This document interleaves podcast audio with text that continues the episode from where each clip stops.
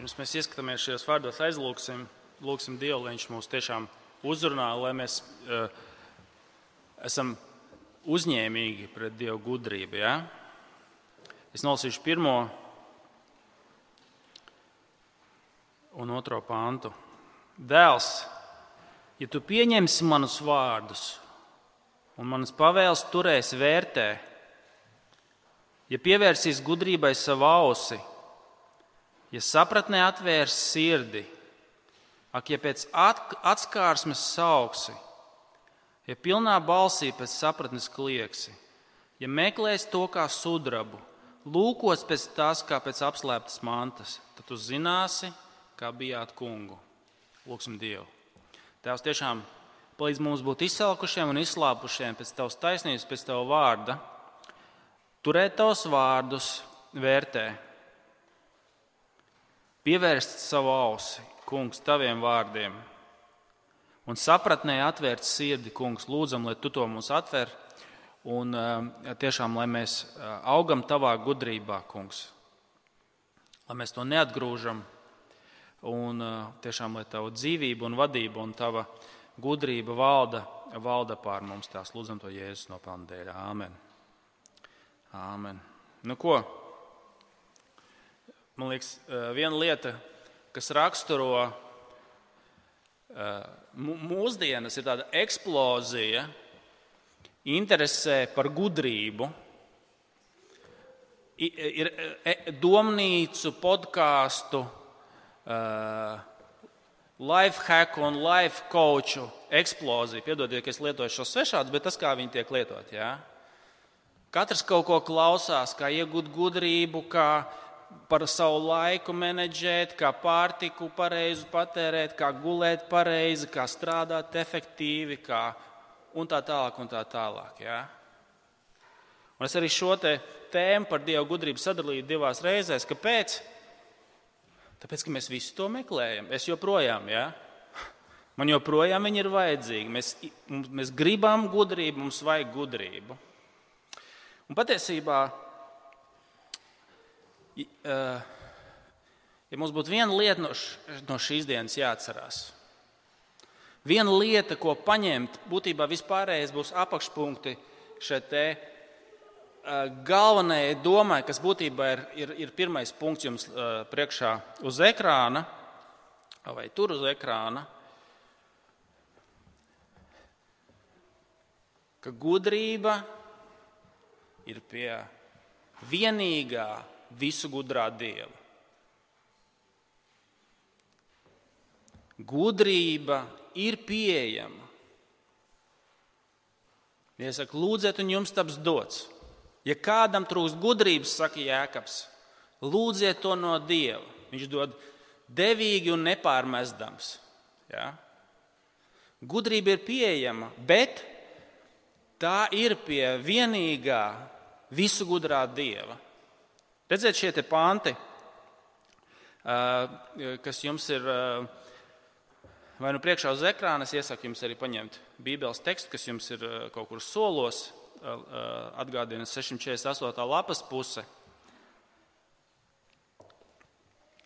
Es nolasīšu vēlreiz, ja tā tad 4. 5 un 6 pāntu. Ja? Tas ir tātad sakām vārdu otrā nodaļa, 648, 4, 5 un 6 pāntu. Tā kā galvenā doma. Ja meklēs to kā sudrabu, lūkos pēc tās kā apslēptas mantas, tad tu zinās, kā bijāt kungu, kā Dievu pazīt, tu iemācīsies. Ievērot, kā viņš saka, viņš saka, ja tu meklēsi gudr, eh, gudrību, kā apslēptu mantu, ja pēc tās sauks un klieks pilnā balsī, viņš nesaka, tu dabūsi gudrību. Viņš saka, tu zināsi, kā pazīt Dievu un ko, kāds tam ir rezultāts sastajā. Jo kungs ir tas, kas gudrību dod. Jahve. Nevis vienkārši kaut kāds abstrakts, panteistisks dievs, bet Jahve, derības dievs, kā mēs to atrodam Bībelē, Ja tu meklēsi gudrību, sauc pēc viņas, tu zinās, kā pazīt Dievu, jo Dievs ir tas, kas gudrību dod. Un tā, ja tā ir viena lieta, kas jums ir jāatcerās no šīs dienas, vispārējais būs tikai, kā jau es sacīju, turpinājums šai vienai domai. Kungs, Jāhve, ir tas, kas gudrību dod. Tev trūkst gudrības, nāc un lūdz to no kunga. Zini, kas ir? Zini, kāpēc tas ir svarīgi? Citiem no jums varbūt tā ir pilnīgi jauna ideja. Tu zini, man vajag gudrību, bet tu vis kaut kur citur esi meklējis un visur pievīlies varbūt tās. Vai tu esi arī kristietis? Un tu zini, ka tev vajag gudrību, bet godīgi runājot, tu esi aizmirsis pēc tās meklēt. Tieši pie Dieva. Ja? Tu esi aizmirsis, ka gudrība ir pie kunga. Un, ziniet, tas ir, šī nodaļa ir uzrakstīta interesantā veidā, kas ir tas pats veids, kā tā ir uzrakstīta. Es jums pateikšu, kā tas izpaužās. Šī nodaļa ir uzrakstīta tā, kas šo pašu ideju atklāja, ka tieši pie Dieva ir gudrība. Jūs ievērosiet, cik ir panti šai nodaļai. Neskatieties uz mani, ieskatieties savu tekstā. 22 panti. Cik ebreju valodā ir alfabēta burtu? 22. Respektīvi, ar to, ka šajā nodaļā ir 22 panti, tikpat cik ebreju alfabētā, visā alfabētā burtu, autors mums grib pateikt, viss, visa gudrība, ja, kā visa alfabēts, šī gudrība ir pie Dieva. Jo kungs ir tas, kas ir gudrība. Visa gudrība ir pie Dieva. Ko es tev gribu pateikt? Tu, kristieti, brāl un māsa, tu, tu varbūt esi aizmirsis, ka vispār ir vērts nākt pie kunga. Pie viņa meklēt, pie viņa lūgt. Pie viņa ir gudrība. Visa gudrība, kā Jēkabs jau es citēju, kam trūkst gudrības, lai nāk un lūdz to no kunga. Citreiz tas vienkārši mums ir jāatcerās. Mēs tik viegli to aizmirstam. Mēs visu kaut kur citur skrienam un meklējam, bet aizmirstam nākt pie Dieva, pie Viņa vārda. Ja? Tas ir ļoti vienkārši lieta, bet man liekas, to ir svarīgi tagad atcerēties. Ko tas nozīmē? Mēs sakām, visa gudrība ir pie kunga. Viņš ir tas, kas gudrību dod. Vai tas nozīmē, ka tu medicīnu mācoties, nelasīsi anatomijas grāmatu? Vai tas nozīmē, ka tu mācoties fiziku, nemācīsies to no fizikas grāmatas? Nē, tas to nenozīmē. Bet, un es jums paskaidrošu, ko nozīmē, ka visa gudrība ir pie kunga. Ziniet, ko tas nozīmē? Lai tu būtu zinātnieks un pētītu matemātiku, fiziku, tu to varēsi darīt arī, ja tu būsi ateists, bet tev būs jāizņemās bibliskais uzskats, ka pasaulē ir cēloņa sakarības.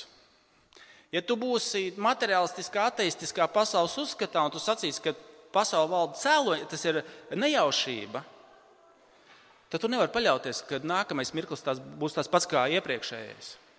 Ja pasaule ir radusies, un tagad klausieties uzmanīgi man, ja zinātnes galvas. Ja tu saki, pasaule ir nejaušības rezultāts un pasaulē pamatā valda nejaušība, tad kāpēc tu domā, ka tas eksperiments, ko tu veici tikko, attieksies uz nākamo brīdi? Jā, jūs saprotat? Kā tu vari būt, tu spiedīsi zobu pastu no tūbiņas, kāpēc viņa nāks ārā nevis uz otru? Ja? Kāpēc fizikas likumi nākamajā sekundē būs tādi paši kā vakar? Tu fiziku mācīsies no fizikas grāmatas, bet ietvars, skatījums, apzināti vai neapzināti, tev būs jāizņemās no Bībeles. Par medicīnu pateikšu. Lai tu cilvēks varētu ārstēt savādāk nekā kaķus, Te būs vajadzīgs pieņēmums, ka cilvēks ir radīts dieva līdzjūtībā. Lai tu ētiski pret cilvēku varētu attiekties savādāk kā pret kaķi, tev būs vajadzīgs metafizisks, biblisks skatījums, ka cilvēks nav vienkārši audu un vēl kaut kāda neirosignāls kopums, bet ka viņš ir kaut kas, kaut kas savādāks. Jums pavisam praktiski tās pielietošu. Tu nevari no rīta zinātnes konferencē kliegt, ka cilvēks neko neatšķirās no dzīvnieka, un vakarā iet uz politisku mītiņu, kur teikt, ka Ukrainā Krievijas federācija izturās pret cilvēkiem kā pret dzīvniekiem. Jūs saprotat, pretrunu. Ja? Tu nevari no rīta teikt, ka cilvēki ir neatšķirās no dzīvniekiem, un pēc tam uztraukties, ka kāds pret otru izturās kā pret dzīvnieku. Tev vajadzīgs bibliskais kopskats. Pie kunga ir gudrība. Jūs saprotat ideju? Tas mums ir, man liekas, svar, jo, jo mēs saprotam, ka ja mēs nebūsim par šo pirmo pārliecināti, mēs tur arī neiesim pie viņa meklēt. Ja par šo pirmo lietu mēs nebūsim pārliecināti, mēs meklēsim visur citur, tikai ne pie kunga. Šis pirmais punkts, šie 22 panti pasaka, un tas, ko mēs lasām sestajā, jo kungs ir tas, kas gudrību dod. No viņa mutes zināšana un sapratne. Tā ir pirmā lieta, kas mums ir jāatcerās.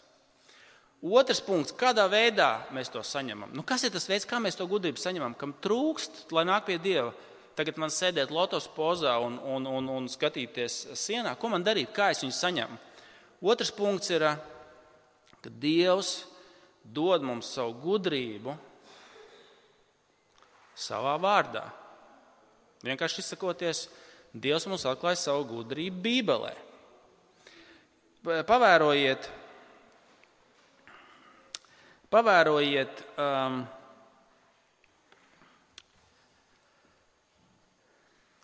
ko, ko liek mūsu autors uh, darīt.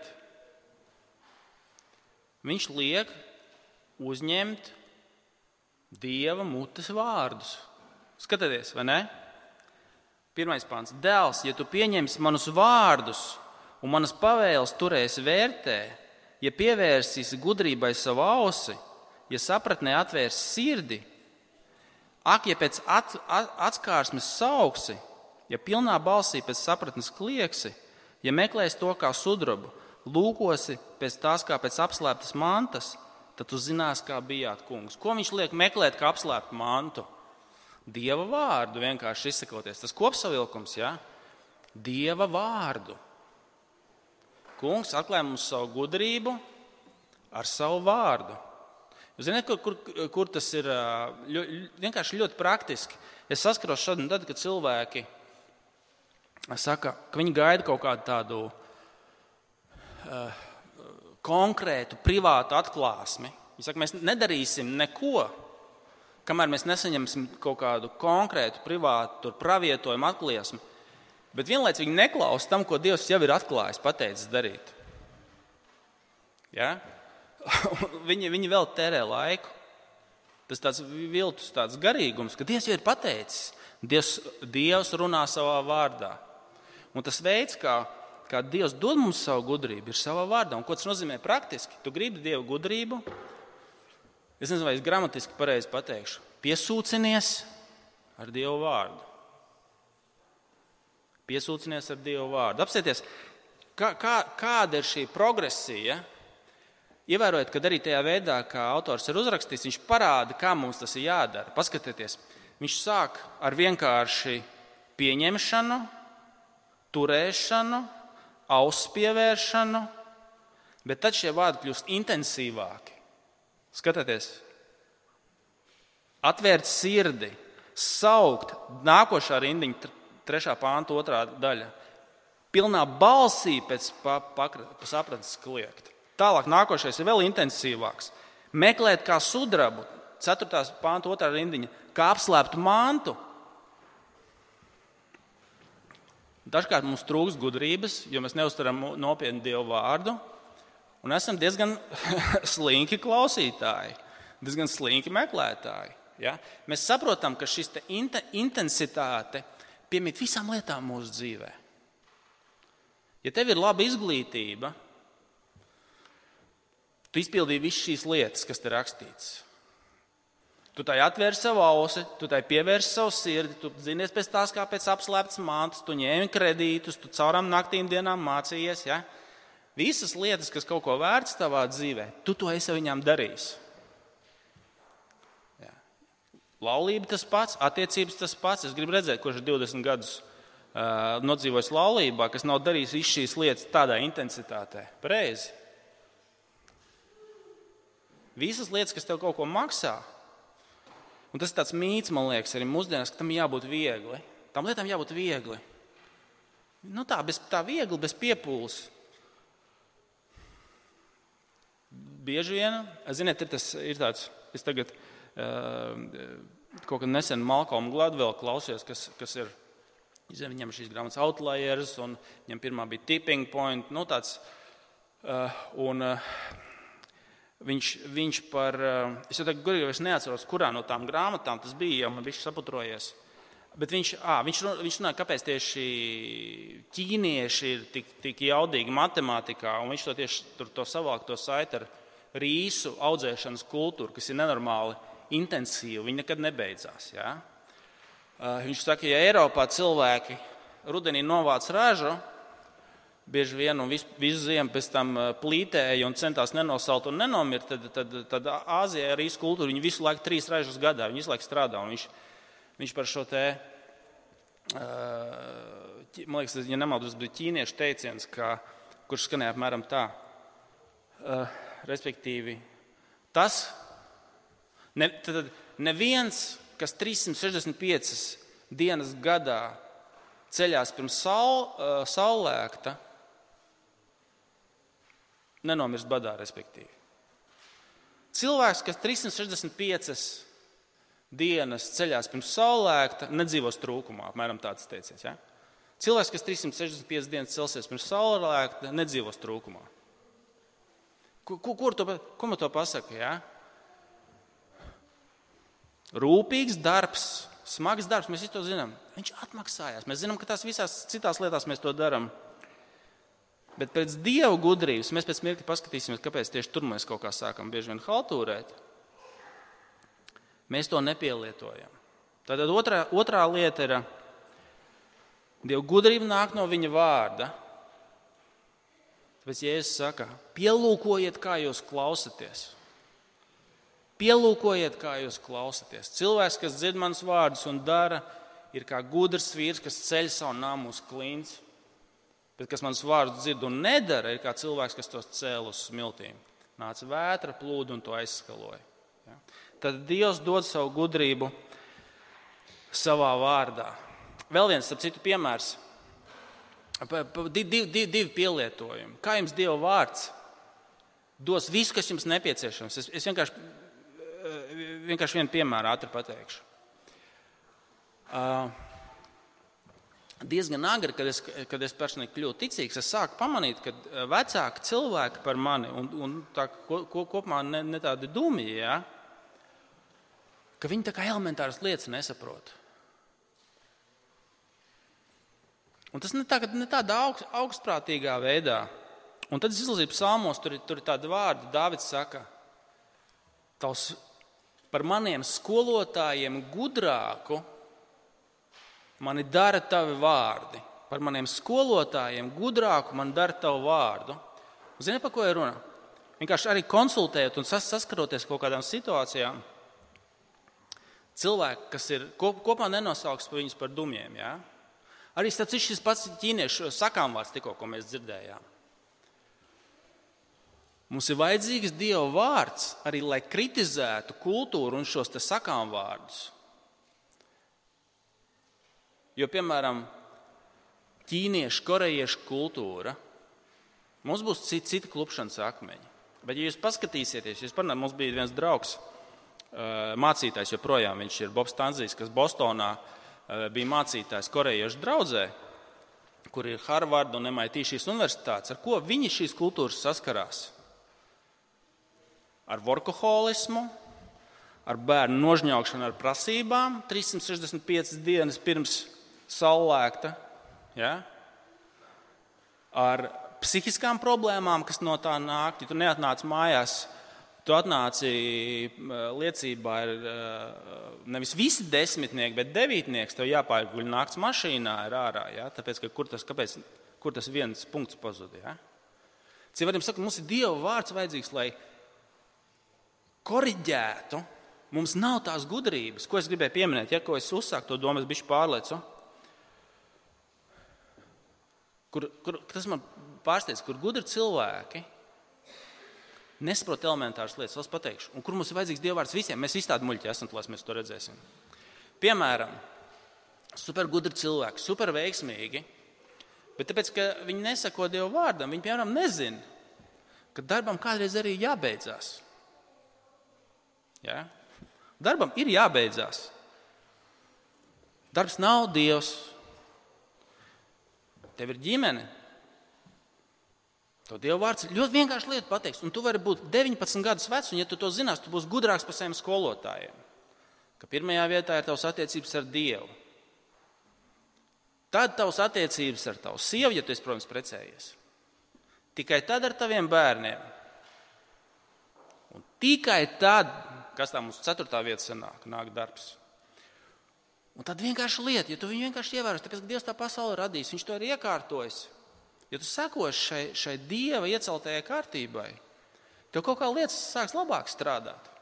Un, ja tu viņus neievēros, tad tu piedzīvos, ka kaut kas nedarbojās. Tu to sievu vairs nepazīsti, tu tos bērnus vairs nepazīsti.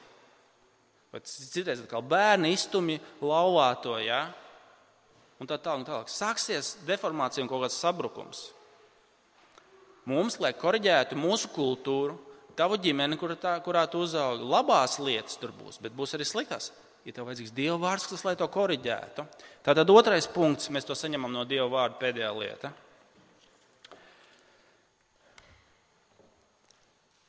Kāpēc mums tik slikti ar to klājās? Kāpēc, ja tā gudrība ir pieejama, tā ir pie kunga, viņš dod to bagātīgi, mums ir Dieva vārds, kāpēc? Mēs izdarām bieži vien visu pārējo, pirms mēs ejam pie Dieva. Pirms mēs ejam pie Dieva vārda. Un lūk, tie ir tādi, tādi vārdi, pavisam vienkārši pasakot, ka savā sirdīs mēs esam muļķi. Katra mūsu sirdī sēž muļķība. Vēstule romiešiem, pirms es nolasīšu, jums paskaidroju principu. Vēstule romiešiem pasaka, ka mēs apspiežam zināšanas par Dievu. Mūsos sēž katrā dziļa sacelšanās pret kungu. Mēs visās lietās zinām, kā pievērst savu ausi, atvērt savu sirdi, meklēt kā sudrabu, rakt kā apslēptu māju. Mēs to zinām. Pret kungu mēs tā visu tikai ne to. Un Bībele mums to paskaidro ka mūsu sirdī sēž muļķība, sacelšanās pret Dievu, vēlēšanās iztumt Dievu ārā. Mēs paši gribam būt Dievs. Mēs tātad aktīvi vai pasīvi viņam pretojamies. Um,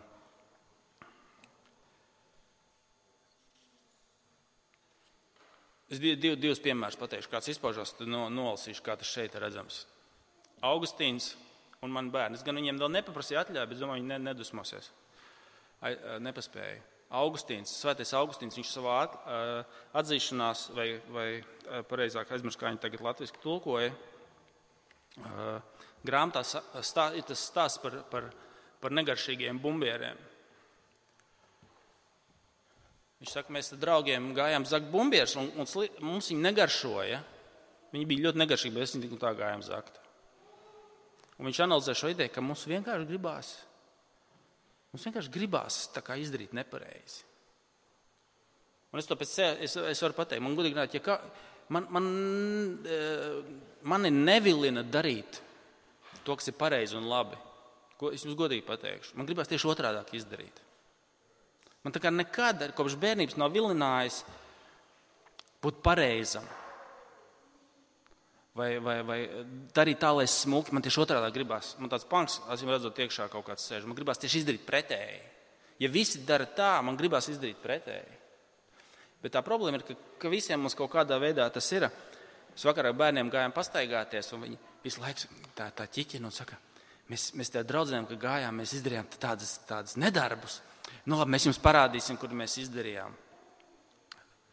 Un tad viņi tur, nu, tur nekas tāds traks nebija. Pastāst, kādus viņi nedarbus darīja. Bet ir forši darīt nedarbus.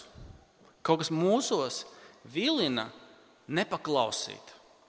Tas iemesls, dziļākais iemesls, kāpēc mēs nenākam pie Dieva pēc gudrības, šis pastieties, kas raksta šo ļaundari. 12. līdz 14. pāns. Tas tevi glābs no ļaundaru ceļa, no tiem, kas nešķīsti runā kas pamet taisnības tekas, lai staigātu tumsības ceļos, kas priecīgi darīt ļaunu. Saprot? Un katram mūsu sirdī Mums priecīgi darīt ļaunu. Kaut kas katram mums sēž. Un jūs gribat saprast, kāpēc mēs neesam tik naski nākt pie Dieva pēc viņa gudrības. Jo sirdī mēs gribam apspiest zināšanas pret viņu. Mums katram sēž priecīgums, vēlēšanās darīt ne tā, kā viņš mums saka. Mums sirdī ir dziļa, smaga nepaklausība. Un, bet ziniet, kāds tā ir sekas? Gribu, kur, kur tas ceļš noved? Kur tas ceļš noved? Apstieties! sākot ar 20. līdz 20. Kādas sekas šim ceļam ir? Viņš priecīgi darīt ļaunu. Ziniet, tas tāds uh, Franka Sinatras evaņģēlijs. I did it my way. Es gribu izdarīt tā, kā es gribu. Katram mums ir tas sež. Kāds tam sakas? Sākot ar 20. Tad uztaigā labu ļaužu ceļus un turies uz taisno takām, jo sirdsčīs tie apdzīvos zemi un krietnie paliks tur bet ļaundarus izdeldēs no zemes un viltvāžus izsakņos no tās. Tas, ko Jēzus teica, kas manus vārdus dzird un nedara, tā nams tiks aizskalots projām. Tiesā tas nepastāvēs. Tas gals ir posts un, un sabrukums. Es jums vēl vienu pie, piemēru no savas dzīves šajā pēdējā atvaļinājumā. Ar ko, ar ko beidzās tas, ka mēs ne, neklausām Dieva vārdam? Ar sabrukumu man stāsts no manas dzīves. Es uh, kopš bērnības man fascinēja uh, uzbūvēt, varbūt jūs kādreiz laukos esat redzējuši tos apaļos malkas krāvumus tādus. Uh, es vienmēr laukos kaut kur braucu, viņas redzēju, domāju, nu, tas ir reāli fascinējoši. Es gribētu tādu uzbūvēt, bet man nebija nekad, nekad tādas īsti vajadzības. Un, un, un, Bet tagad vienkārši ir, ir tāpēc, ka ir malka un nav šķūņa, viņi kaut kā vajadzēja. Nu, tagad iemesls man viņu uzbūvēt. Atvaļinājumā bišķiņu laika, tā terapeitiski, uzbūvēšu to apaļo malkas krāvumu. Un, protams, šodien visu, visu var atrast uh, YouTube, bet es esmu tāds cilvēks, kāds rakstīts, kā šeit nevajag. Es esmu cilvēks, kas es nekad dzīvē, es domāju, es neesmu izlasījis līdz galam nevienu instrukciju. Pat vispār es viņas nelasu, godīgi runājot. Un arī to YouTube video es tā uzmetu acis, un es, es sapratu ideju, nu, es, pas, es savādāk darīšu.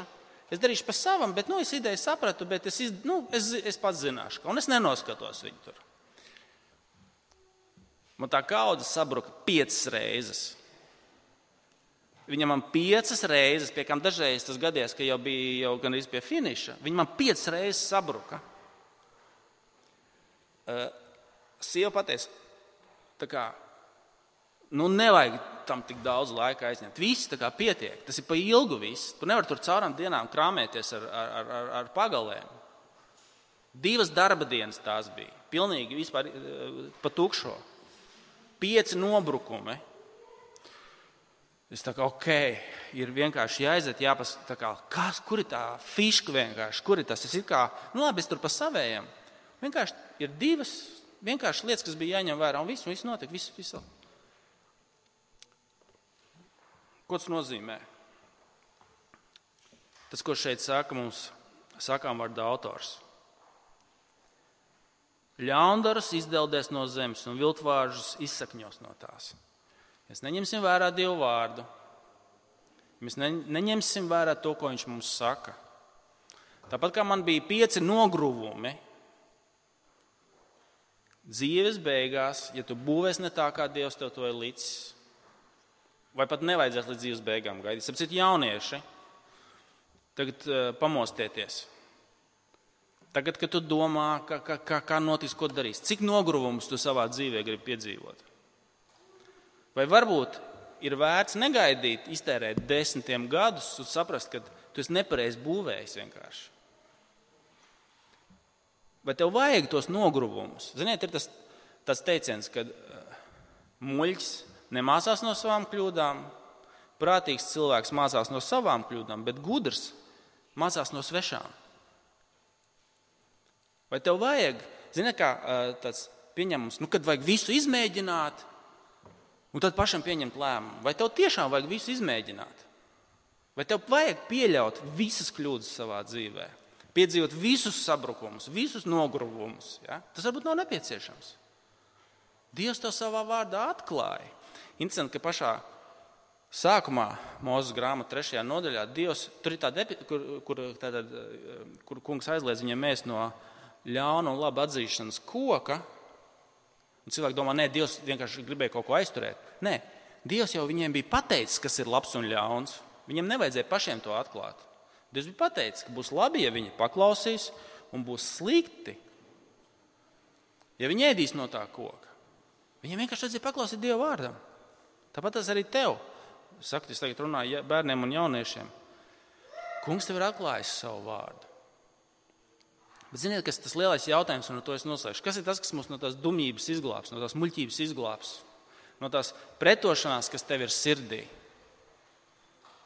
Ka tu un es, mēs esam starp tiem,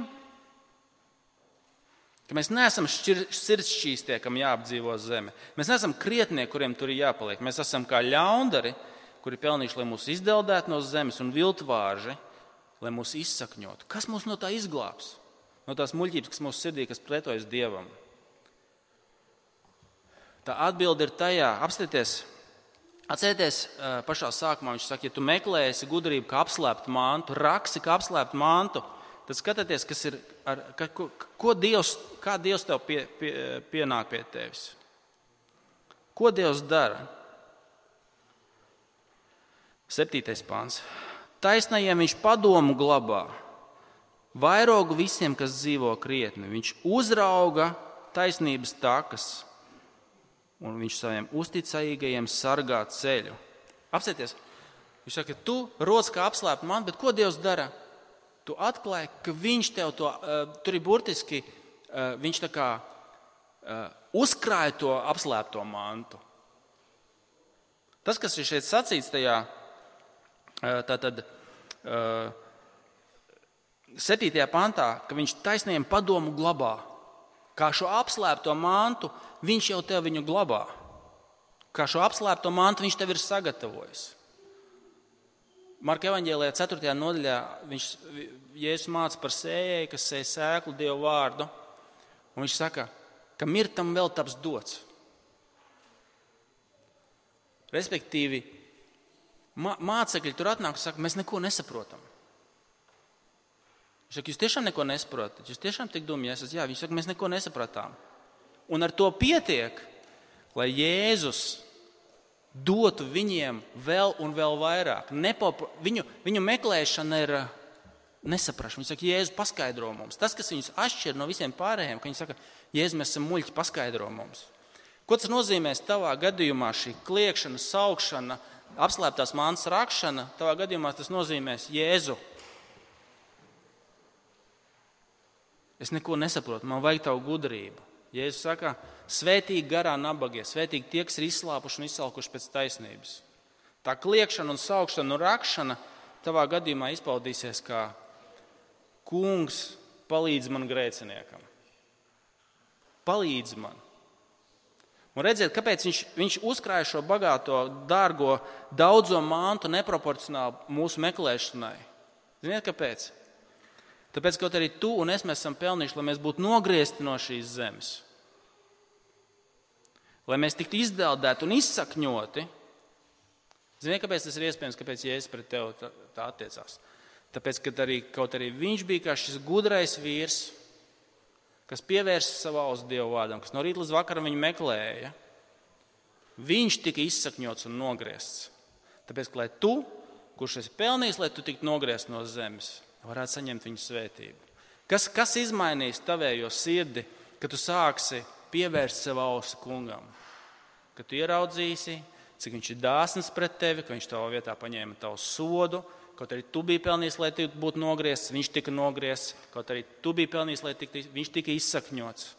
Kad tu ieraudzīsi, cik viņš ir dāsns, ka viņš tev sakrāja apslēptu mantu, tad, tad tu teiksi, Kungs, cik tu esi labs, varbūt tavā vārdā ir vērts ieklausīties. Tas, kas tev izmainīs tavu sirdi no stulbības, no, no dumjības, Dieva žēlastība pret muļķiem un dumjiem, kas saka, atcerieties, ja es saku, akli, slimi un klibi, lai nāk.